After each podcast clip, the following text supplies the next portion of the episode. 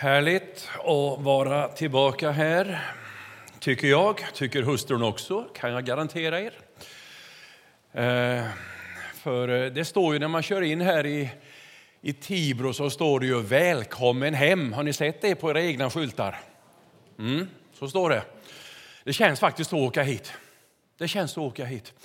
Eh, jag känner ibland när jag kommer hit nu att det, ja men, säger som var det Borkahövdingen, ni fattas mig. Eh, och det är gott att få mötas. Jag tror att det hör ihop med den lysande minipredikan du höll här. För det var det verkligen om församlingen, att det finns utrymme, det finns olika uttryckssätt. Det är inte en smalt nischad församling utan det är en generositet och en värme. Och, och, och så här, och det tycker jag känns kanonbra. Så det känns gott att få vara tillbaka här, även om det nu beror på att Bengt är sjukskriven och eh, opererad och det är ju sorgliga orsaker på det sättet. Um, jag eh, lever fortfarande som ni ser. Det var två år jag var vakanspastor här och for hit till Tibro. Tänk att man kan bli så rotad på en plats och så trivas så väl bara på två års halvtid. Men så var det. Sen dess har jag nu varit i i Jo.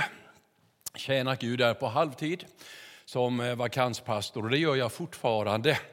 Nu ser det väl ut som att det ska bli en lösning till hösten. Så jag förmodar att jag slutar där i augusti månad ungefär, skiftet augusti-september. Så blir det säkert. Det ska ske en kallelse nu den 18 juni och det är väl förberett så, så jag har goda skäl att tro att vi landar där. Sen får vi se vart det tar vägen. Världen är stor, alla dörrar är öppna och jag är full av kraft. Så eh, det blir säkerligen någonting annat. Så är det. Hörrni, idag är det pingstdag och jag ska läsa en annorlunda text för er. En lång text jag kan hålla en kortare predikan istället om jag får tillfälle att läsa en lång text. Jag har inte tänkt på det där med skärmen här, det finns ju de möjligheterna, men det har jag inte tänkt på idag. Eh, så nu får ni lyssna. Och den här texten är från Andra Mosebok och den handlar om Mose kapitel 2 och 3. Eh, sen ska jag läsa pingstdagens text från Apostlagärningarna också om pingstdagen som var inne och elden som föll. Så kan ni ju fundera på vad den här texterna eventuellt kan ha med varandra att göra. Ni får ha lite fantasi om ni ska hitta något kanske, men det har ni ju. Mm. Om ni hittar några, några nämnare här. Mose, andra kapitlet. Jag läser ifrån ja, mitten, vers nummer 15. Här har vi då att Mose, som ju har vuxit upp i Egypten, ja, Han har slagit ihjäl en landsman, jag kan ju läsa det också, från vers 11 i så fall. När Mose hade blivit vuxen gick han en dag ut till sina landsmän och han såg deras tunga arbete. Då fick han se hur en hebreisk man, en av hans egna landsmän, blev ihjälslagen av en egypter. Mose tittade sig omkring och när han inte såg någon slog han ihjäl egypten och gömde honom i sanden. När han gick ut nästa dag såg han två hebreer som slogs med varandra. Då sa han till angriparen, varför slår du din landsman? Mannen svarade, vem har satt dig till herre och domare över oss? Tänker du döda mig som du dödade Egypten? Mose blev rädd och han tänkte, då har det blivit känt. Och när farao fick höra vad Mose hade gjort ville han få honom dödad. Men Mose flydde undan farao och slog sig ned i midjaniternas land. Där höll han till vid en brunn. Vilket konstigt uttryck. Där höll han till vid en brunn. Kan man bara hålla till så där vid en brunn? Tja. Prästen i Midjan hade sju döttrar. De kom och öste upp vatten och fyllde hoarna för att vattna fåren åt sin far. Några herdar kom och körde bort dem. Då ingrep Mose och hjälpte dem och sen vattnade han deras får. När de kom hem till sin far Reguel frågade han varför är ni hemma så tidigt. De svarade, en egypter hjälpte oss mot herdarna. Han öste till och med upp åt oss och vattnade fåren. Var är han nu? frågade fadern. Varför tog ni inte med honom? Säg till honom att han kommer och äter med oss. och Mose beslöt sig för att stanna hos prästen. Han fick dennes dotter Sippora till hustru och hon födde en son. Mose gav honom namnet Gershom. Ty, sa han, jag är en främling i detta land. Åren gick och kungen av Egypten dog och israeliterna suckade under sin träldom. De ropade i sin nöd och deras klagan steg upp till Gud. När Gud hörde deras jämmer tänkte han på sitt förbund med Abraham, Isak och Jakob och tog sig an israeliterna och gav sig till känna för dem. En gång när Mose vaktade fåren åt sin far och sin svärfar Jetro, prästen i Midjan, drev han dem till andra sidan öknen och kom till Guds berg, Horeb. Där visade sig Herrens ängel för honom i en eldslåga som slog upp ur en törnbuske. När Mose såg att busken stod i låga utan att brinna upp så tänkte han, vilken märklig syn. Jag måste gå dit och se varför busken inte brinner upp. Då Herren såg att han gick för att se efter så ropade Gud till honom ur törnbusken. Mose, Mose! Han svarade, ja, här är jag. Och Herren sa, kom inte närmare. Ta av dig dina skor, du står på helig mark.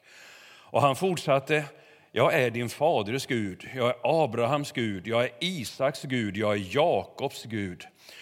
Då skylde Mose sitt ansikte, för han vågade inte se på Gud. Och sen kommer hela kallelsen till, till eh, Mose. Så här står det i Apostlagärningarna. Jesus säger i Apostlagärningarna 1. Under en måltid vers nummer 4 ifall ni undrar. Under en måltid tillsammans med dem sa han åt dem att inte lämna Jerusalem utan vänta på det som Fadern hade utlovat. Det som ni har hört mig tala om, sa han. Johannes döpte med vatten, men ni ska bli döpta med helig ande om bara några dagar. De som samlas frågade honom, Herre, är tiden inne nu när du ska återupprätta Israel som kungarike? Han svarade, det är inte er sak att veta vilka tider och stunder Fadern i sin makt har fastställt. Men ni ska få kraft när den helige Ande kommer över er och ni ska vittna om mig i Jerusalem och hela Judeen och Samarien och ända till jordens yttersta gräns. Jag hoppar några verser, för det står sen i kapitel 2. När pingstdagen kom var de alla församlade. Då hördes plötsligt från himlen ett dån som av en stormvind och det fyllde hela huset där de satt. De såg hur tungor som av eld fördelade sig och stannade på var och en av dem. Alla fylldes av helig ande och de började tala med andra tungomål, med ord som anden ingav dem. Och så kommer ju en lång berättelse om hur 3000 människor kommer till tro och låter döpa sig denna enda dag. Och en fortsättning sen, hela apostlagärningarna, handlar om den första kyrkan och dess tillväxt. Ja, den här berättelsen om Mose den började egentligen med att jag hittade lite anteckningar. För några år sedan hörde jag Thomas Sjödin hålla en halv predikan om uttrycket åren gick. Och eh, skulle det vara så, då har ni ju gott om predikningar, eller hur? För det uttrycket hör jag väldigt ofta hos människor. Att tiden går, åren går. Ja. Ofta så hör jag med en suckan och med en liten klagan och med en liten tveksamhet och lite vemod och så här vidare. Eh, jag vet inte om det ligger i texten här, ni får väl lyssna efter själva om ni tycker det. Det är rätt spännande att läsa två texter så här som det ligger ett par tusen år emellan, eller i alla fall 1500 år, eller åtminstone 1200 år. Det får de reda ut, de som håller på och forskar i, bibelhistorien. Det är lång tid emellan, riktigt lång tid emellan. Men han säger ju Gud, jag är Israels Gud, jag är Jakobs Gud, jag är Isaks Gud, jag är Abrahams Gud, jag är din faders Gud. Gud är Gud av evighet och han har han har eh, talat genom alla tider. Det finns inga ateister, läste jag en tidning häromdagen. Klart att det gör, säger du. Ja, det gör du, för det är klart att det finns människor som förnekar en tro på en personlig Gud. Men ska du nu ha en liten eh, paus, så här en liten citat i början på predikan, så läste jag Luther häromdagen. Och han skriver så här faktiskt i katekesen. Mm. Den är inte så ofta läst nu för tiden. Men han skriver så här, jag blev lite förvånad. Skrev han så, karn? Ja, det gjorde han. Det här är ju svensk översättning då. Han skriver, din Gud kallas den eller det som du förväntar dig allt gott av och som du tar din tillflykt till när du är i nöd. Att ha en Gud är alltså inget annat än att av hjärtat förtrösta och tro på den eller det som man sätter högst i tillvaron. Det är bara hjärtats förtröstan och tro som avgör vad vi har för Gud eller för avgud. Den eller det. Alla människor sätter någonting högst i livet. Alla människor har någonting där man har sitt ankare, sin förtröstan, sin kraft. I den meningen, enligt Luthers citat här, så har ju alla människor en Gud. Det värsta är att en del gudar kommer att falna, kommer att slockna, kommer att visa sig ohållbara när tiden går.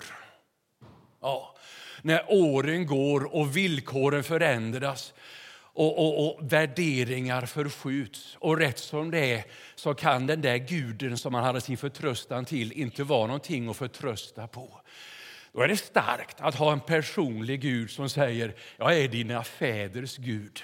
Jag är Abrahams Gud. Jag är, jag är, din fars och din mors och jag är dina ofödda barnbarns Gud. Jag är Gud av evighet.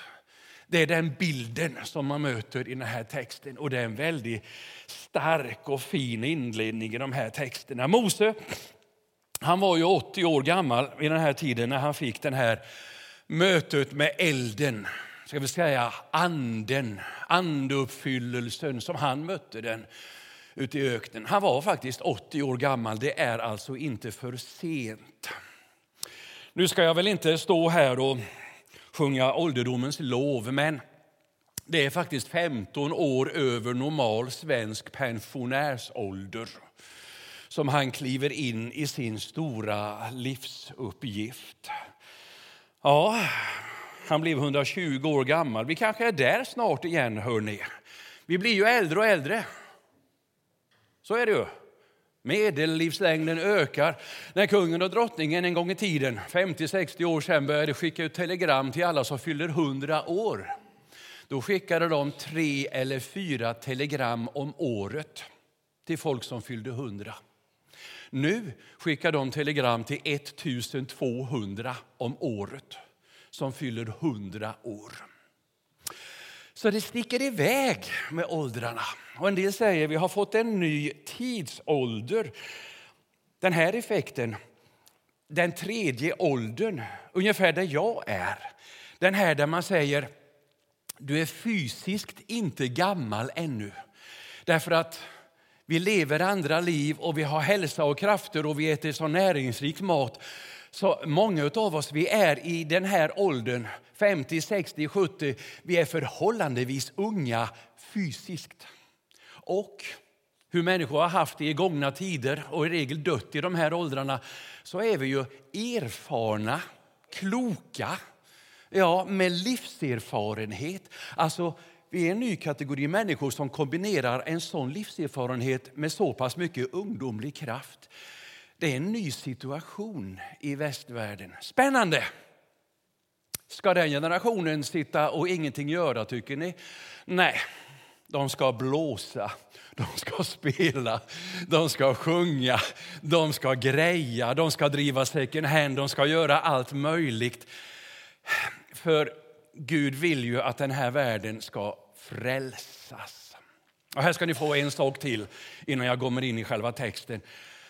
Det här har jag också läst i en helt profan eh, sån här rapportering. Människan är som kreativast när hon är mellan 50 och 75 år.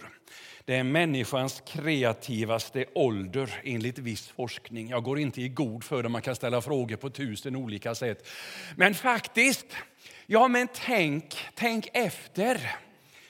Alltså författare, konstnärer, målare. Det är väldigt många som har gjort sina allra, allra bästa grejer när man är mellan 50 och 75 och till och med över det. Levi Petrus han var den store ledaren för pingströrelsen och han gjorde en jätteviktigt arbete i sina kraftsdagar. Men alla de här sakerna som sen har satt spår med LP och med startandet av ett nytt politiskt parti och allt sammans det här, det var långt efter pensionsåldern. Mm. En människa är som kreativast mellan 50 och 75. Ska du vara lite uppmuntrad av du som känner att du är lite, åren har gått. Mm. Åren gick. Ja, vad i all sin höll, höll han för predikan om det, säger du. Låter det uppgivet ungefär, tja, det blev som det blev. Ja, så kan man väl inte säga. Livet är som bäst när det rullar på. Det finns en tanke i det här som jag ändå suger en smula på. Alltså, det finns en historia hela tiden. När åren går och livet är som bäst och det ena året läggs till det andra och vi tänker inte på det, händer det ingenting då? Hade det inte hänt något i Guds tanke med Mose under 80 år? Hade Gud varit slö? Hade Gud hållit sig borta? Hade Guds planer ingenting med Mose att göra under 80 års tid? Så sorgligt. Jesus var 30 år när han satte igång. Ja, men de där åren vi kallar för tysta åren då? Hände det ingenting då? Jo, det sammanfattas, han växte till i ålder och vishet. Jag tror att det händer en hel del i våra liv när åren går och vi inte tänker på det. Det händer någonting i oss. Alla människor har en förhistoria. Vi kan tänka oss, vi kan tänka oss Eh, att Exodus-tiden här med Mose och uttåget ur Egypten, ja det gick sen på fullt ös och full kraft. Det gjorde det inte av sig självt. Det var människor det handlade om. Mose hade en förhistoria. Det hade Jesus med när han blev fylld med anden när han lät döpa sig. Han hade anden tidigare, han var ju Gud av evighet, men han invigdes till sin tjänst. Men han var ju någon som hade minnen och erfarenheter. Den helige ande faller aldrig över neutrum. Faller aldrig över tomma kärl som vi ibland säger. Och det är väl vackert när vi menar att jag ska vara tom i meningen jag är öppen för Gud.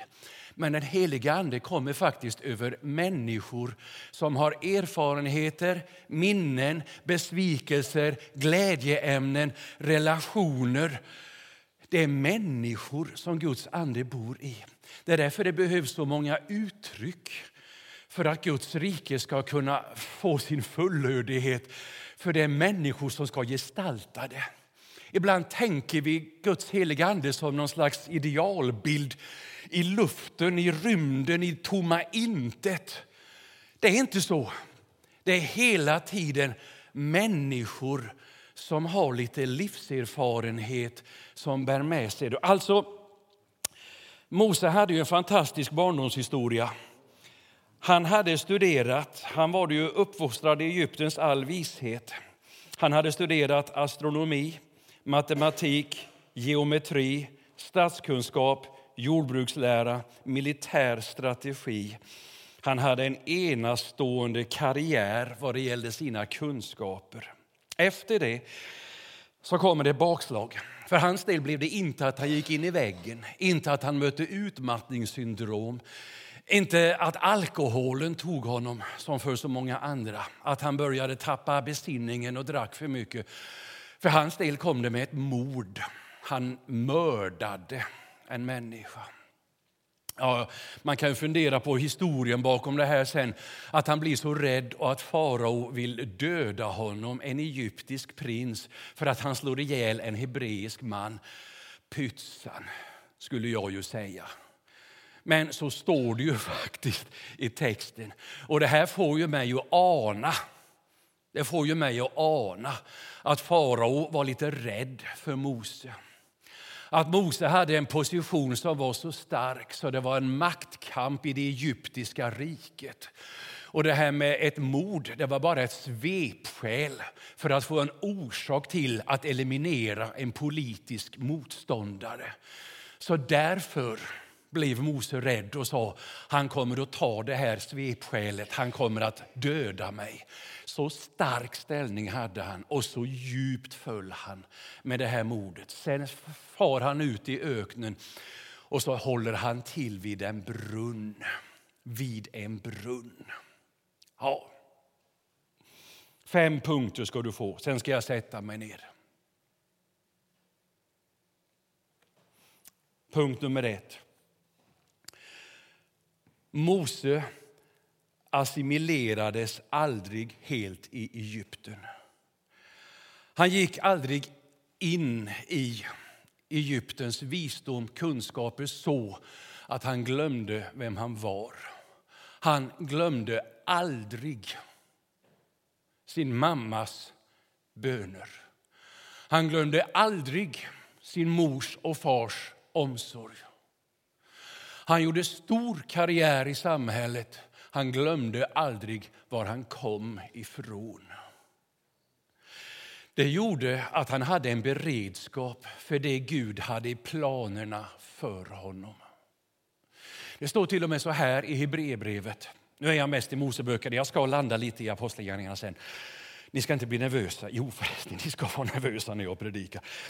Eh, ja men, alltså han, han, han tjänade, han hade allt den här kunskapen och det här och, och hade gjort den här karriären. Så står det i Hebreerbrevet om honom när han blev vuxen att han vägrade att kallas son till faraos dotter. Jag har aldrig tänkt på det tidigare, men så står det faktiskt. Det är klart att det var givet i den position han hade att alla tänkte han är faraos dotter. Man ville kalla honom faraos dotter. Din mor. Och han står där och säger, hon är inte min mor. Alltså det är svårt sånt där med adoptiv och, och, och, och sådana här situationer. Jag har mött människor som säger, jag har två mammor tycker jag är fint när man kan ha det så. En adopterad person som har en mamma genuint, hon är. Och som sen ändå i vuxen ålder har snokat reda på sin biologiska mor. Och kunnat få göra den biologiska modern till sin egen. Det händer inte alltid, sällan egentligen, men ibland. Och då är det någonting vackert att kunna säga två mödrar. Inte ens det, sa Mose han höll fast vid. Han glömde aldrig vem han var. Jag hörde Ingvar Kamprad en gång med sin enorma framgångssaga. Och man frågade efter hemligheter bakom. Och då sa han så här, ja, jag har aldrig glömt var jag kom ifrån. Och så visade de bilder på det där eländiga torpet nere i Småland. Röda, knu, vita knutar är det väl, rött torp och så här. Men för honom, mångmiljardär, har det varit en hälsosam sak att hela tiden komma ihåg var jag kommer ifrån.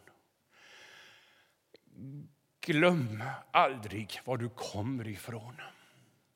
Och egentligen kommer vi alla ur Guds hjärta. För Gud har haft oss i sin tanke från evighet till evighet. Och har du nåden att växa upp i kristet hem, glöm det aldrig någonsin. Och är du gammal och dina föräldrar är döda sedan 50 år, det är inte för sent att tacka Gud för dem. Det finns en förhistoria till mötet med elden. Det gör det. Mose behöll en beredskap. Ska vi säga så här, punkt nummer två. Mose misstag omöjliggjorde aldrig hans uppgift att välsigna, leda, frälsa. Det gjorde inte det. Det var inte kört. Hans brottning med Gud som ni kanske höll på ute vid den där brunnen. Och han gick och funderade. Vad har jag varit? Och vad har jag gjort? Och vem är jag? Och Abrahams Gud, vem är du? Åren gick, låt dem gå. Ta det lugnt. Det är ingen fara att åren rullar på. För det här med ögonblicken av möten med elden, de bestämmer Gud. När pingstdagen är inne, det ligger i Guds händer. Sa Jesus ens att de skulle be om helig ande? Nej, inte här i alla fall. Han sa vänta. Vänta Jerusalem. Ja. Det ligger en inre ro i det här väntandet. Att det är ingen fara. Jag behöver inte jaga efter allt som jag... Ja, du ska arbeta hårt och så här vidare, men invärtes, du behöver inte jaga efter upplevelsen av elden och kraften och dånet. Gud ger dig det du behöver i den tid du behöver det. Låt åren gå. Ha frid i själen. Ska man predika så som pingstpastor? Sak samma, jag gör det. För jag tror att Gud har en tidsschema som håller bra för oss allihopa. Till och med om man får vänta till 80-årsåren någon gång innan det här händer, som ändå hela tiden skulle hända. Stå kvar, stå kvar. Lever vid den där brunnen. Jag läser Magnus Malm ibland och här ska du få ett citat från honom. Han finns i en gammal bok han gav ut för många år sedan. Vad ska jag göra med min synd? Jag brottas, jag sliter med mina nederlag. Jag ber till Gud, jag ropar om Andens hjälp. Jag tycker inte jag kommer någonstans. Och då svarar Magnus Malm, stå kvar i skiten. Trampa på. En vacker dag så känner du att det har börjat lukta mull. Och då vet du att du har övergått från död till liv. Sug på ett sånt citat. Det behöver inte vara sån händelse. Rätt som det är känner du, det som jag bara tyckte var smörja i mitt liv. Men nu känner jag, genom Guds andes hjälp, det har börjat ge god frukt i mitt liv. Eh, det har helats, det har mognat, det har läkt. Och till och med så är det här någonting jag kan ha nytta av för att vara den jag är. För du är någon med ditt liv och dina erfarenheter. som stod kvar i brottningskampen. Rätt som det är börjar det lukta mull. Då är livet där. Jag grävde om min kompost häromdagen och det luktade så gott i den. Jag har gått förbi den och tynkt att det stinker om den. Men inte när jag satte grepen i insidan. Då var det mull. Mull. Punkt nummer tre. Åren gick. Han höll till vid en brunn. Han gifte sig. Han fick barn. Levde han i utanförskap? Kanske. Han säger ju här, han säger ju jag är en främling här. Hur länge är man främling i ett land? Om man kommer som invandrare. Är man främling i 40 år? Abraham, han, han, eh, han levde i det nya landet som han klev in i i jättelång tid. 40-50 år och sen dör Sara. Och då säger han till invånarna i landet som känner honom som en hövding och en res ibland oss, och så säger han till dem, jag är en gäst och främling här. Eh, det är fint det där. Han visste ändå att han inte riktigt hörde hemma i Midjans land. Det är bra att vi blir hemmahörande i Tibro, eller Habo, eller Jo eller var vi nu råkar bo. Det är bra att vi tar ansvar för våra samhällen. Eh, ibland kan jag tänka, det finns någonting i de gamla pilgrimssångerna som inte får gå förlorat. Det finns någonting om sången om himlen, om hemlandet. Jag är en pilgrim här. Jag blott här nere gästar. Mitt hemland, det är ovan där. Alltså, jag vill inte ha att vi drömmer om himlen för mycket och lever i himlatankar. Jag vill vi ska leva här på jorden. Men jag är lite, lite rädd ibland att vi kan förlora himlakänslan ändå. Främlingskapet, det känner de kristna av i alla tider. Paulus kände av det. Jag är en främling, sa han. Går jag hem till Herren? Jag dras åt båda hållen. Jag vill gärna leva mitt ibland det för att vara till nytta. Men samtidigt så vill jag gå hem, för det är där jag har hemmet. Det eviga, det varaktiga. Ja, visioner och sånt här ska inte begravas. Nej, det ska det inte. Var den du är. Ta med dig dina erfarenheter. Skäms inte över dina framgångar. Fly inte dina nederlag. Var den du är. Det är så du, för det fjärde punkten, är beredd. Hur beredda var lärjungarna i övre salen? Vad visste de vad som skulle hända? Hur beredda var de? Jag vet inte. Jo, men det är klart att de var aktivt beredda. De var ju i bön. Så kan man inte leva. Man kan inte sitta i en övre sal fysiskt dag efter dag. Hur beredd var Mose? Ja, tillräckligt beredd för att vika av emot den brinnande busken när han ser den, möter den. Åren går. Bevara din inre beredskap. För rätt som det är i livet så är det så här. Det kan komma i en sångvers, det kan komma genom en annan människa, det kan komma i en livshändelse. Rätt som det är så känner du bara en gnista av liv. Någonting som tar tag i dig. En eldslåga, kanske Andens eldslåga på ett nytt sätt, som på pingstdagen. Det bara kommer som en gåva. Var beredd. Mose var beredd. Jag säger inte ta i nu, kämpa på, gör någonting bra. Snarare låt åren gå, men bevara din vaksamhet, din öppenhet. Ungefär som bruden i Höga visan, om vilken det står jag låg och sov, men mitt hjärta vakade. Mitt hjärta vakade. Mm. Sluta med att säga så här om Mosebaj i alla fall. Den här busken, den brann och den brann ändå inte upp. Det är en fantastisk syn. Det var det som lockade honom att gå dit. Så är det ju med Andens eld. Lärjungarna brann och brann och de brann inte upp. Elden satte sig på dem för att de skulle göra ett uppdrag, tjäna Gud, fullfölja Guds tankar i sin tid. Och elden brann i deras liv, men förbrände dem aldrig.